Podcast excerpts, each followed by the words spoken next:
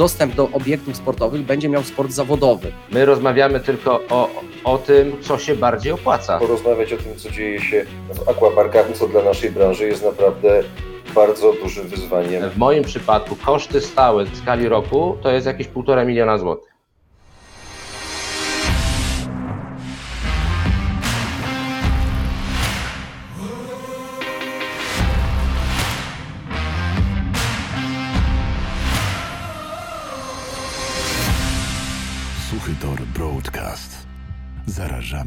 Tylko pasją.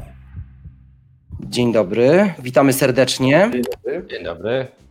Dzień dobry panowie. Za chwilę Was y, oczywiście przedstawię, ale mm, chciałbym, żebyśmy zaczęli już rozmowę, żeby nasi widzowie, nasi słuchacze nie tracili y, czasu. Y, panowie, dzisiaj y, ukazały się mm, fragmenty rozporządzenia, projektu rozporządzenia, które ma jutro się ukazać. Moim zdaniem one są bardzo niepokojące, bo, y, bo tak naprawdę dostęp do obiektów sportowych będzie miał sport zawodowy. Tam już jest wyjaśnione, że zawodnicy, którzy y, są zrzeszeni w kadrze y, narodowej, będą mieli taki dostęp. Jeżeli tylko ci zawodnicy, to czy wam, czy panom będzie opłacało się, a tak naprawdę przecież mieliśmy mówić sobie po imieniu, czy Robert Zbyszku, czy wam będzie opłacało się otworzyć w ogóle pływalnię, na przykład w Bochni, żeby Wojtek Wojtak mógł realizować swoje treningi?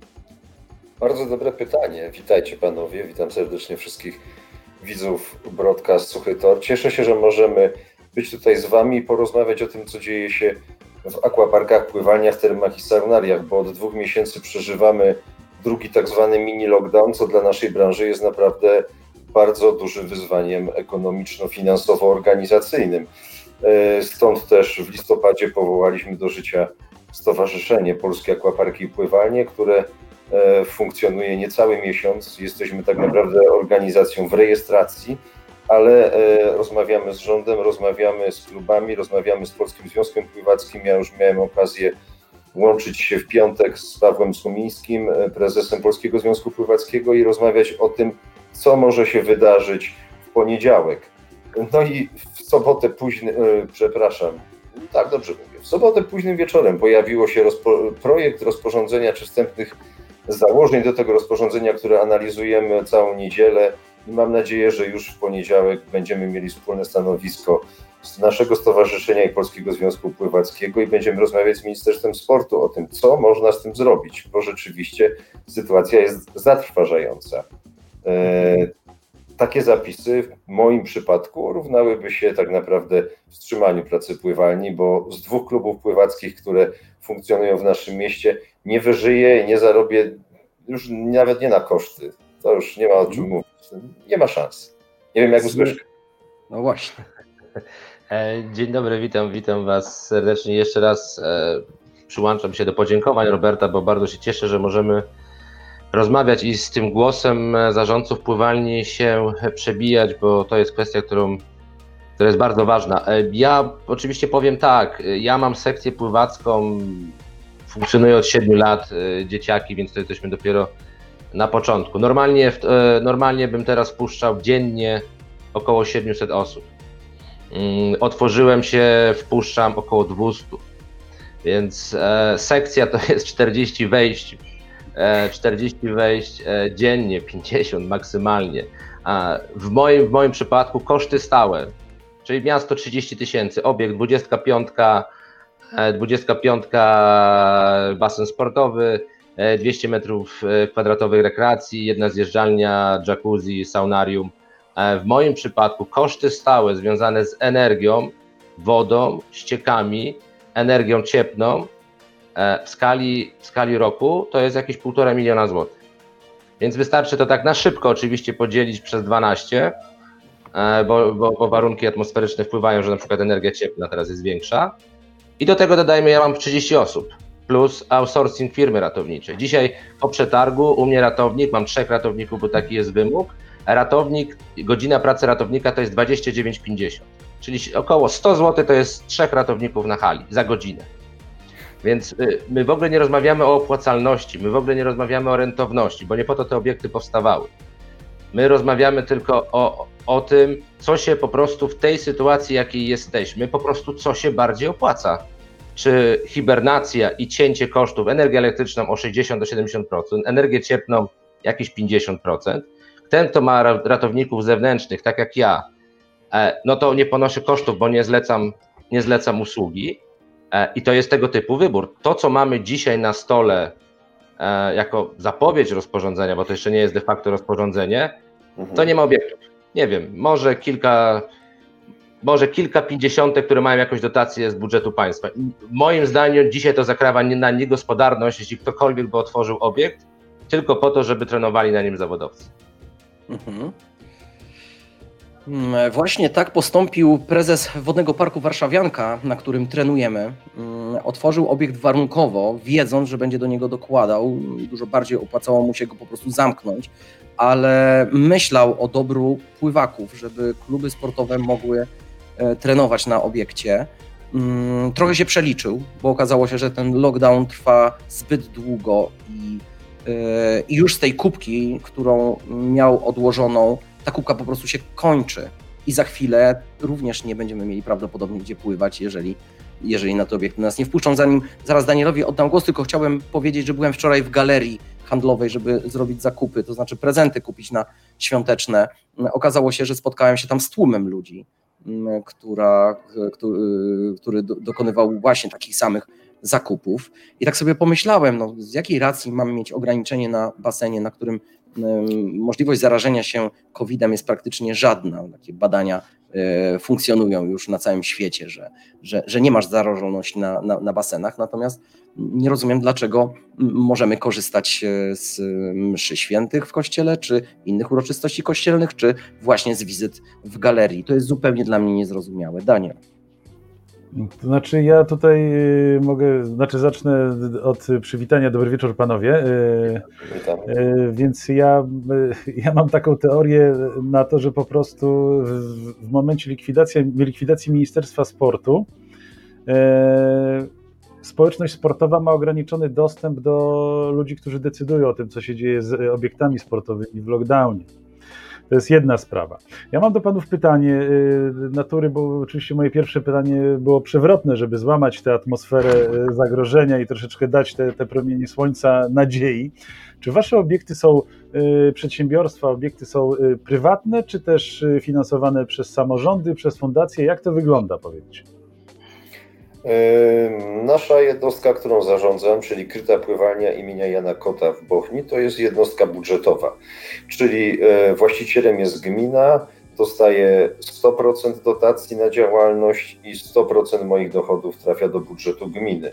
W związku z tym, jeżeli burmistrz decyduje, a tak zdecydował, utrzymujemy etaty, funkcjonujemy w tej chorej rzeczywistości, zamykamy, ewentualnie ograniczamy godziny działalności, ale próbujemy dawać możliwość e, sportu dla klubów, e, dla szkół pływackich, dla sekcji, które się potworzyły e, po 17 października jako rzeczy dodatkowe, swimrun, triathlon, masters, tego u nas nie było, ale potworzyło się po to, żeby pod reżimem tego rozporządzenia, które aktualnie obowiązuje do 27 grudnia, przypomnę, funkcjonować. Także my jesteśmy w 100% gminni i jesteśmy jednostką budżetową. Ja odpowiem przewrotnie, że jest tak samo, ale inaczej. To znaczy jest, jestem samorządowy, ale jestem spółką kodeksu prawa handlowego. To jest taka forma zarządzania, która trafiła do polskiego sportu, do sportu samorządowego, stała się popularna w ostatniej dekadzie i myślę, że to jest generalnie kierunek e, rozwoju, czyli tak, mamy 100%, to wszystko mm, składamy na koniec roku sprawozdanie finansowe, czyli to, co nie się go nie utrzymamy, w jaki sposób rekompensuje nam to gmina, dokapitalizując, e, dokapitalizując spółkę. Natomiast no, pytanie jest po prostu zasadnicze o wielkość tej dokapitalizacji, bo to wszystko idzie z budżetu e, samorządu. W moim przypadku jest to, jest to tak zwany budżet prze, przeznaczony na inwestycje, więc to też nie jest tak, że jak no mi tak. zabraknie, to można tak łatwo przerzucić. To najpierw musi przejść przez Radę Miejską, a tu się już pojawia polityka, bo jak no trzeba przerzucić, to znaczy, że jest źle zarządzane, jak źle zarządzane, to wymienienie prezesa, przyjdzie inny i będzie dobrze zarządzał. I niestety to są te realia, w których funkcjonujemy. Właśnie, słuchajcie, ja chciałem się upewnić, bo to jest Zbyszek y, wyczuł intuicyjnie moje pytanie właściwie, bo y, rozumiem, że tarcza Was nie dotyczy. Jesteście finansowani z gminy, z, przez samorządy i, i, tak jak ja na to patrzę, troszkę zaprzeczacie takiemu paradygmatowi neo, neoliberalizmu, że czyli wyższości własności prywatnej nad państwową, no w naszym przypadku już bardziej społeczną. Wy walczycie o swoje przedsiębiorstwa jako swoje prywatne firmy. Wy jesteście tak zaangażowani. Ja, ja jestem pełen podziwu, bo normalnie byłoby tak, no państwo nie płaci, to pewnie nam zrekompensuje to. A rzeczywistość jest chyba dużo bardziej brutalna, bo może się okazać, że wy zbankrutujecie jako przedsiębiorstwa, bo nie będzie na to pieniędzy i mm, trzeba będzie te obiekty skomercjalizować, nie daj Boże. Wiadomo, że one po prostu mogą nie zostać, mogą nie przetrwać. Moje pytanie jest, jaka to będzie strata dla waszych społeczności, którymi, którymi y, te obiekty są wielkimi ośrodkami sportu i, i spotkań i tak dalej? No w Bochni to będzie spora strata. Ja powiem wam tak, panowie, y, na naszym terenie działały dwie pływalnie, w Bochni i w Proszówkach. W tym momencie po pierwszym lockdownie marcowo-czerwcowym ta w Proszówkach próbowała się podnieść we wrześniu, i przyszedł drugi i już się nie podnieśli, stoją zamknięci cały czas. My e, z pierwszego e, szeroko rozumianego pojęcia wsparcia jako tarczę uzyskaliśmy tylko i wyłącznie 50% ZUS-u i e, jako jednostka budżetowa na nic więcej nie możemy liczyć. Spółki trafiają również w taką specjalną lukę, która powoduje, że ponieważ są w większości samorządowe, to nie dostają środków tarczy, bo trafiają się wtedy do takiej kategorii dużych przedsiębiorstw, chociaż de facto są mali z punktu widzenia polskiego prawa. W związku z tym tylko ci, którzy są prywatni, starczy mogą skorzystać. Więc zamknięcie takiej pływalni, gdzie ja mam powiedzmy 120-140 tysięcy ludzi rocznie, czy ty, tyle wejść mam e, naszej społeczności lokalnej, no to z jednej strony jest dramat, bo już dziś widzę E, że drzwiami i oknami by wchodzili, gdyby mogli, ale przez to, że ograniczyłem godziny, trzeba się zapisać, trzeba mieć instruktora, trzeba być w klubie albo w szkółce, to tutaj możliwości mhm. są znacznie bardziej ograniczone niż e, chęć społeczeństwa, które e, marzy o tym, żeby otworzyć pływanie. Zresztą my nie żądamy ani nie oczekujemy otwarcia na 100% w kolejnych strefach, które rząd ma zamiar wprowadzić. Nam na początek wystarczy mhm. uruchomić obiekty na 50% po to, żeby nasze sfery te rekreacyjne zaczęły przynosić jakiś dochód, który będzie pozwalał utrzymywać baseny sportowe. W innym przypadku my nie przetrwamy i nie przetrwa też polskie pływanie. Y, utrzymywać y, część sportową, jak również pewnie współutrzymywać kluby sportowe, bo wszyscy wiemy, ile kluby sportowe potrzebują środków na wynajęcie torów, ile torów potrzebują wynająć i nie zawsze stać rodzica czy rodziców czy zawodnika na to, żeby te koszty pokryć w 100%. Zdaję sobie sprawę, że pływalnie, dyrektorzy tych pływalni, na pewno wy również pomagacie w, odciążyć mm, sekcje sportowe mm, z tych kosztów. A pytanie do Zbyszka. Y, Zbyszku, co się dzieje? Bo Robert powiedział, że pływalnia w Bochni druga się zamknęła. Mm, wy się znacie na tym, co się dzieje z pływalnią, która przez dłuższy czas jest zamknięta. Mm, czy tam się coś może wydarzyć takiego, co spowoduje, że ta pływalnia nigdy już nie zostanie otwarta, jak baseny Legii na przykład, na których trenowałem. Właśnie taka przykra sytuacja 40 lat temu, no 30 właśnie spotkała te piękne obiekty. E, znaczy Andrzej, to jest bardzo ciekawy e, temat. Ja oczywiście nie, nie zanudzając, w skrócie powiem, mm. wam powiem. Znaczy każdy, który dopuści do, to jest coś takiego, że powstanie kasus Legii, moim zdaniem to jest niegospodarność, to jest prokuratura, e, bo to jest majątek publiczny to musi pójść, jeśli ktoś chce zaprzestać, to musi pójść po prostu od góry. Baseny, ja powiem tak, baseny paść nie padną, bo to jest mienie publiczne. Natomiast chodzi o to, czy baseny się otworzą. Tu jest inne zagadnienie, bo dzisiaj samorządy mają przenajróżniejszą sytuację finansową. Jedne jeszcze mogą się zadłużać, e, drugie już nie. I teraz naprawdę zrobi różnicę, że na przykład była pływalnia w miejscowości X, którym powiedzmy samorząd dopłacał milion złotych, a teraz według tego obostrzeń, bo my przecież mówimy, że to odbudowanie tego potencjału, który był, no to, to znowu to jest rok. E, to na przykład będzie musiał dołożyć 2 miliony złotych. I, te, i, tego, I tego dodatkowego miliona w budżecie może nie być. I teraz mhm. burmistrz, wójt, prezydent staje przed wyborem. E, jak otworzę, to dołożę, to dołożę dodatkowy milion, a go nie mam, bo muszę go mhm. przeznaczyć na coś innego. Czy basen stanie? Nie, zostanie zredukowany do minimalnych wymogów e, personalnych, czyli tyle osób, które musi, żeby to usprawnić. Jeśli to jest spółka, no to wiadomo, że jeszcze musi być jakiś element administracji. Zostaje dział techniczny i utrzymuje się parametry, bo tak e, basenów nie można wyłączyć. Woda musi krążyć i to musi być woda uzdatniana, dlatego żeby nie powstał biofilm, bo jak posieje nam bakteria, nie daj Boże pójdzie to na filtry, przecież to są setki metrów, a w przypadku dużych obiektów kilometrów rur, którymi woda krąży. Więc tam nie może dojść do, do posiania bakterii, więc woda uzdatniana na minimalnych obrotach krąży. E, to są budynki. W moim obiekcie jest ponad 800 tysięcy litrów wody. Czyli to jest 800 ton, tak? Czyli ten budynek został tak skonstruowany, że on ma być dociążony do gruntu. Więc e, nie ma na to podręczników, które mówią, czy można spuścić wodę, szczególnie teraz w okresie e, zimowym, kiedy w środku zazwyczaj w halach mamy 30 stopni, a na zewnątrz schodzi nam E, poniżej zera. Więc parametry techniczne muszą zostać i to jest to, co nas ciągnie w dół. Koszty stałe. My możemy je ściąć, ale one pozostają. I druga rzecz bardzo ważna to są ludzie. My mamy zespoły zbudowane. Tak? Zespoły ludzi, którzy sprzątają, ratowników, ci, którzy mają, cały system jakby nas obsługujący. E, ja nie wiem, jaki wykluje się rynek pracy na wiosnę. Ja nie wiem, czy my wrócimy do rynku pracy pracownika, taki jaki mieliśmy niedawno, hmm. ale moje doświadczenie podpowiada, że dalej nie będzie łatwo znaleźć hydraulika, dalej nie będzie łatwo znaleźć e, elektryka, bo to są osoby, które e, pracują. Ja myślę, że obsługa klienta da, dalej to jest coś, na co wszyscy jesteśmy wrażliwi, mamy świadomość. Dobra ekipa, która sprząta, ci, co sprzątają sami, to dalej będzie problem. Będzie olbrzymi problem z ratownikami, którzy się teraz przebranżawiają. E, I, Idealnie, Pływalnia zamknięta ponosi koszty. Wybór może polegać na tym, czy mam ponosić koszty minus x procent, czy mhm. je otworzyć. I druga rzecz, na jakich zasadach, i tutaj Andrzej już tylko do Ciebie dosłownie dwoma jakby zdaniami odpowiadając na to pytanie, czy my mamy funkcjonować na takiej zasadzie, jak jest dzisiaj, bo generalnie sponsorem większości polskiego sportu są pieniądze publiczne e, i to pieniądze samorządowe. Nie po 1989 roku nie powstał inny system. Ja pochodzę z Oławy, 10 km ode mnie jest miasto, które się nazywa Jelcz-Laskowice. E, istniał klub, który ja kopałem piłkę, nazywał się Moto Jelczoława. Potężny sponsor lokalnego sportu.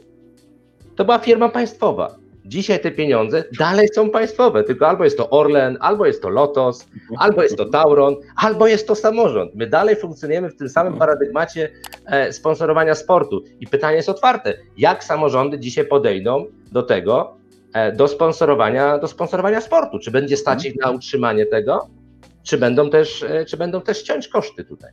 Ty co, czy, czy to, co Daniel mówi, za chwilę albo już dzieje się taka sytuacja, w której to rodzic przejmuje koszty, które będzie ponosił za e, wychowanie w sporcie, w sporcie swojego syna czy córki. Daniel, Maciek czy macie pytanie do e, naszych gości jeszcze, ponieważ powolutku będziemy musieli przechodzić do kolejnego punktu programu? Ja mam jedno na koniec, więc Maćku oddaję Tobie głos. Nie, no jak to, ja chciałbym w takim razie się spytać, no to jakie jest, jakie jest najlepsze rozwiązanie? Czy, czy, czy jest jakieś światełko w tunelu w tej sytuacji, żeby, żeby to wszystko nie upadło? Jak to mówił mój kolega, najpierw upewnij się, czy to światełko to nie nadjeżdżający pociąg. Wydaje się, wydaje się, że jest taka opcja, natomiast bardzo dużo zależy od tego, co powiedziałeś Ty, Danielu, żebyśmy mieli jakiegoś partnera do rozmowy w Ministerstwie Sportu, ponieważ y, te zapisy, które w tym momencie się pojawiły, E, one praktycznie ścinają e, polskie pływanie do zawodostwa. A gdzie jest to zawodostwo? Przecież nie ma ligi zawodowej w polskim pływaniu. W związku z tym tam się później pojawia kadra narodowa. Dla samej kadry narodowej to w TOSach można ćwiczyć wszystkie baseny stop, bo będą niegospodarne, tak jak mówi Spyszek. Więc żeby to mogło funkcjonować, e, to przy założeniu, że zacznie spadać liczba zgonów, pojawią się szczepionki, należy uruchamiać obiekty według pewnych procedur, które wspólnie z GIS-em próbujemy wypracować. Myśmy jako stowarzyszenie przygotowali takie procedury, tak zwane protokoły sanitarne, co się może dziać na naszych obiekciach w strefie czerwonej, żółtej i zielonej i czekamy, czekamy i czekamy. Mamy nadzieję, że jeszcze przed świętami, a już najpóźniej po świętach, a przed Nowym Rokiem usiądziemy do rozmów o tym, co dalej po 17 stycznia, bo to, co się wydarzy już wkrótce, kiedy premier podpisze kolejne rozporządzenie o obostrzeniach, to już mniej więcej wiemy. Natomiast skończą się ferie i co dalej? Chcemy mhm. rozmawiać jak najszybciej się da, żeby nie zostać z przysłowiową ręką w nocniku. Mhm. Czy w basenie. Ja pytanie Tak. dopełniające, tylko dopełniające do Maćka, bo Maciek prawie mnie uprzedził. E, powiedzcie, no nasze wsparcie macie, e, cała społeczność wokół Suchego Toru Broadcast też jest e, za wami, za całym środowiskiem. E, czyjego wsparcia wam brakuje? Powiedzcie, bo wszystkie ręce na pokład, czyjego wsparcia teraz wam brakuje najbardziej, do kogo możemy się teraz zwrócić e, o taką pomoc? Ach, Musieliśmy chyba oboje z Robertem we- westchnęliśmy. Dokładnie. bo trudne pytanie. Rozmawialiśmy z rządem, rozmawiamy z Ministerstwem Rozwoju, Pracy i Technologii. Jest rozmowa, jest wsparcie. Rozmawialiśmy z GIS-em, jest rozmowa, pracują nad naszymi protokołami. Y, Nie mamy w tym momencie kontaktu, dobrego kontaktu z Ministerstwem Sportu. To po to między innymi rozmawiałem y, w piątek z Pawłem Sumińskim, żebyśmy ten kontakt wypracowali i w poniedziałek mogli rozmawiać na przykład z panią sekretarz Anną Krupką. Właśnie po to, żeby rozmawiać o tych zapisach, tego wstępnego, rozpo, tego wstępnego, w tych wstępnych zapisach protoko, tego rozporządzenia, które ma wejść wkrótce oraz mieć wsparcie i zrozumienie dla całej branży, bo naprawdę 10 miliardów to jest wartość dodana sportu w Polsce. Oczywiście większość to piłka, piłka, piłka, nożna, siatkowa, koszykowa, ale przecież parki, akwaparki, termy, pływalnie, saunaria to też jest e, przyszłość. Santango stoi. Najgłębszy basen e, do nurkowania jeszcze działa, ale jak długo będzie mógł działać? Największe saunarium w Europie też stoi. No tak się nie da funkcjonować. Mhm. E, Trzeba coś z tym zrobić. ja, ja tylko dodam, przepraszam jeszcze Andrzeju, bo tylko odpowiadając. Ja bardzo liczę na dzisiaj i na ten moment myślę, że to jest temat, ale wasze środowisko, czyli osób korzystających, żyjących z pływalni, świadomość i współpraca z Polskim Związkiem Pływackim. Nie rozmawiam o pieniądzach, bo tych nie ma, ale świadomość tego, że my chcemy, żeby pływanie i sporty wodne się rozwijały, bo, bo po to jesteśmy, po to nimi zarządzamy. Ale musi być świadomość, że, że, że, że to jest symbioza. Tak? I musi być jakiś e, coś związane z marketingiem, z PR-em, z docenieniem tego, że te pływalnie są i są sponsorowane, bo dzisiaj to się odbywa na takiej zasadzie, przepraszam, ale to po to chyba się spotykamy, rozmawiamy. To przecież się należy. No nie, no tak, tak, tak, to, tak, to, tak to się funkcjonowało x lat temu. Dzisiaj trzeba też mieć świadomość, że jest, jesteśmy partnerami, o których się wymaga, ale też na końcu trzeba uścisnąć rękę i powiedzieć dziękuję. Mhm. Ja przez 8-7 lat robię tutaj zawody, oddaję obiekt. Ja nie, nie słyszałem dziękuję, nie mam jakiegoś dyplomu, naklejki na drzwiach, nic nie mam. Ze A to ja cię muszę przeprosić. Ja z Małopolskim Ja- ja- nie Pływackim współpracuję od lat 12. Udało się nam zrobić dwa Grand Prix Polski. Padło trochę rekordów. Radek Kawęcki u nas pięknie startował. Otylia Jędrzejczak, Paweł Korzeniowski. I ja już wiele razy słyszałem. Robert, Robert, to moje pytanie. Teraz zrobiliście. Tak, zrobiliście, Robert, to moje pytanie. To ile na tym mogłeś stracić, jak zrobiliście te Grand Prix? Wiesz, to była sytuacja bardzo e, jednoznaczna. Traktowaliśmy to z burmistrzem, a to był całkiem inny burmistrz, który teraz zarządza miastem, ale każdy burmistrz patrzył w ten sam sposób. Dla nas Grand Prix Polski, dla małego 28-30 tysięcznego miasteczka ze sportową pływalnią, z licencją Polskiego Związku Pływackiego, to była pierwsza i jedyna okazja Tak. I potraktowaliśmy to po prostu promocyjnie. Tak. E, Miasto nie patrzyło na to, czy zarobi. Ja miałem znaleźć sponsorów, żeby to się spięło. Miałem dogadać sprawy z Związkiem Małopolskim i Polskim, żeby to się wszystko zorganizować. Udało i się udało dwukrotnie. Później e, impreza trafiła do Krakowa, bo tam są znacznie lepsze warunki, także lokalowe e, dla e, zawodników, ale e, dla mnie nie ma problemu. Dzwoni e, prezes, dzwoni sekretarz Związku Małopolskiego, ja organizuję imprezy nawet przy zamkniętym obiekcie w niedzielę i robiliśmy takie. e, Tylko Robert, właśnie pytanie zasadnicze, w jakich realiach my wrócimy? Właśnie, panowie, rok dwa. To jest panowie właśnie ja, ja, po- ja już muszę niestety kończyć e, Jasne. tą część programu, ale Ale muszę, ale muszę również, ale muszę również, to jest bardzo ważny temat. To jest bardzo ważny temat, bo to jest temat, który uświadamia trenerom, zawodnikom, środowisku pływackiemu, że zarządca obiektu musi przeżyć, bo jak nie Tak. przeżyje, to nie będziemy mieli gdzie pływać. I w związku z tym moje pytanie ostatnie, kończące, proszę w miarę krótką odpowiedź, ale wydaje mi się, że ono jest ważna, ta odpowiedź na to pytanie. Co się stanie? Wiemy, że nie będzie tych pieniędzy. Wiemy, że tych pieniędzy będzie Wam brakowało na utrzymanie basenu, na remonty, na inne rzeczy. na to, żeby dać albo umożliwić po, po preferencyjnych cenach czy na lepszych warunkach umożliwić trenowanie klubom sportowym u Was. Skądś te pieniądze musicie wziąć? Czy coś się zmieni dla sportu na Waszych basenach, dla tych sekcji pływackich? Czy y, sekcje pływackie będą musiały ponosić większe koszty w związku y, z tym, co się wydarzyło w COVID-zie, z tą ekonomiczną sytuacją? W moim przypadku na pewno. Tego nie unikniemy, bo koszty są olbrzymie, a przychody y, znikome, zwłaszcza, że ruch jest bardzo ograniczony. W związku z tym na pewno będzie y, to się wiązało ze zmianą warunków finansowych y, dla sekcji. Natomiast bardzo dużo zależy od tego, jakie wytyczne i jakie będzie ostatecznie prawo w Polsce w tej sprawie. Mhm. Zbyszku, poproszę o, o, o krótką odpowiedź, jeżeli się da, krótko. Jednym zdaniem, to co powiedział Roper, plus my też mamy szefów i to też jest jakby, bo to są pieniądze publiczne, oni te pieniądze rozdają. Wszystko będzie zależało od tego, jakie my dostaniemy zadanie, ile mamy ściągnąć z rynku, a ile, ile dorzuci bu- budżet. Mhm. Duża niewiadoma. Trzymamy kciuki. Trzymamy, Trzymamy kciuki. kciuki. pomagamy, e, walczymy. Hashtag uwolnić pływanie. E, Wciąż aktualny. Myśleliśmy, że już dawno się skończy. Dawno się skończy suchy tor broadcast, bo nie będzie potrzebny, bo te pływanie będą wolne. Suchy, do- broad, e, suchy tor broadcast e, wciąż trwa. Hashtag uwolnić pływanie wciąż aktualny. Dziękujemy za wizytę i mam nadzieję Kłaniamy do zobaczenia. Odwiedzimy Dzięki. Was na pływalniach z suchym torem broadcast. A to do zobaczenia. zapraszam. Ja I zapraszam. życzymy, I życzymy powodzenia.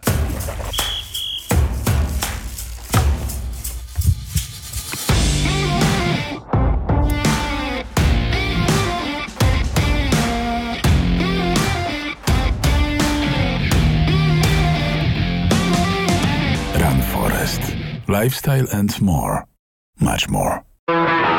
Kondraciuk Live Podcast. Trendy, pasja, inspiracja. Ludzie, inspiracje, historie. Zaprasza Daniel Kondraciuk. You know, yeah,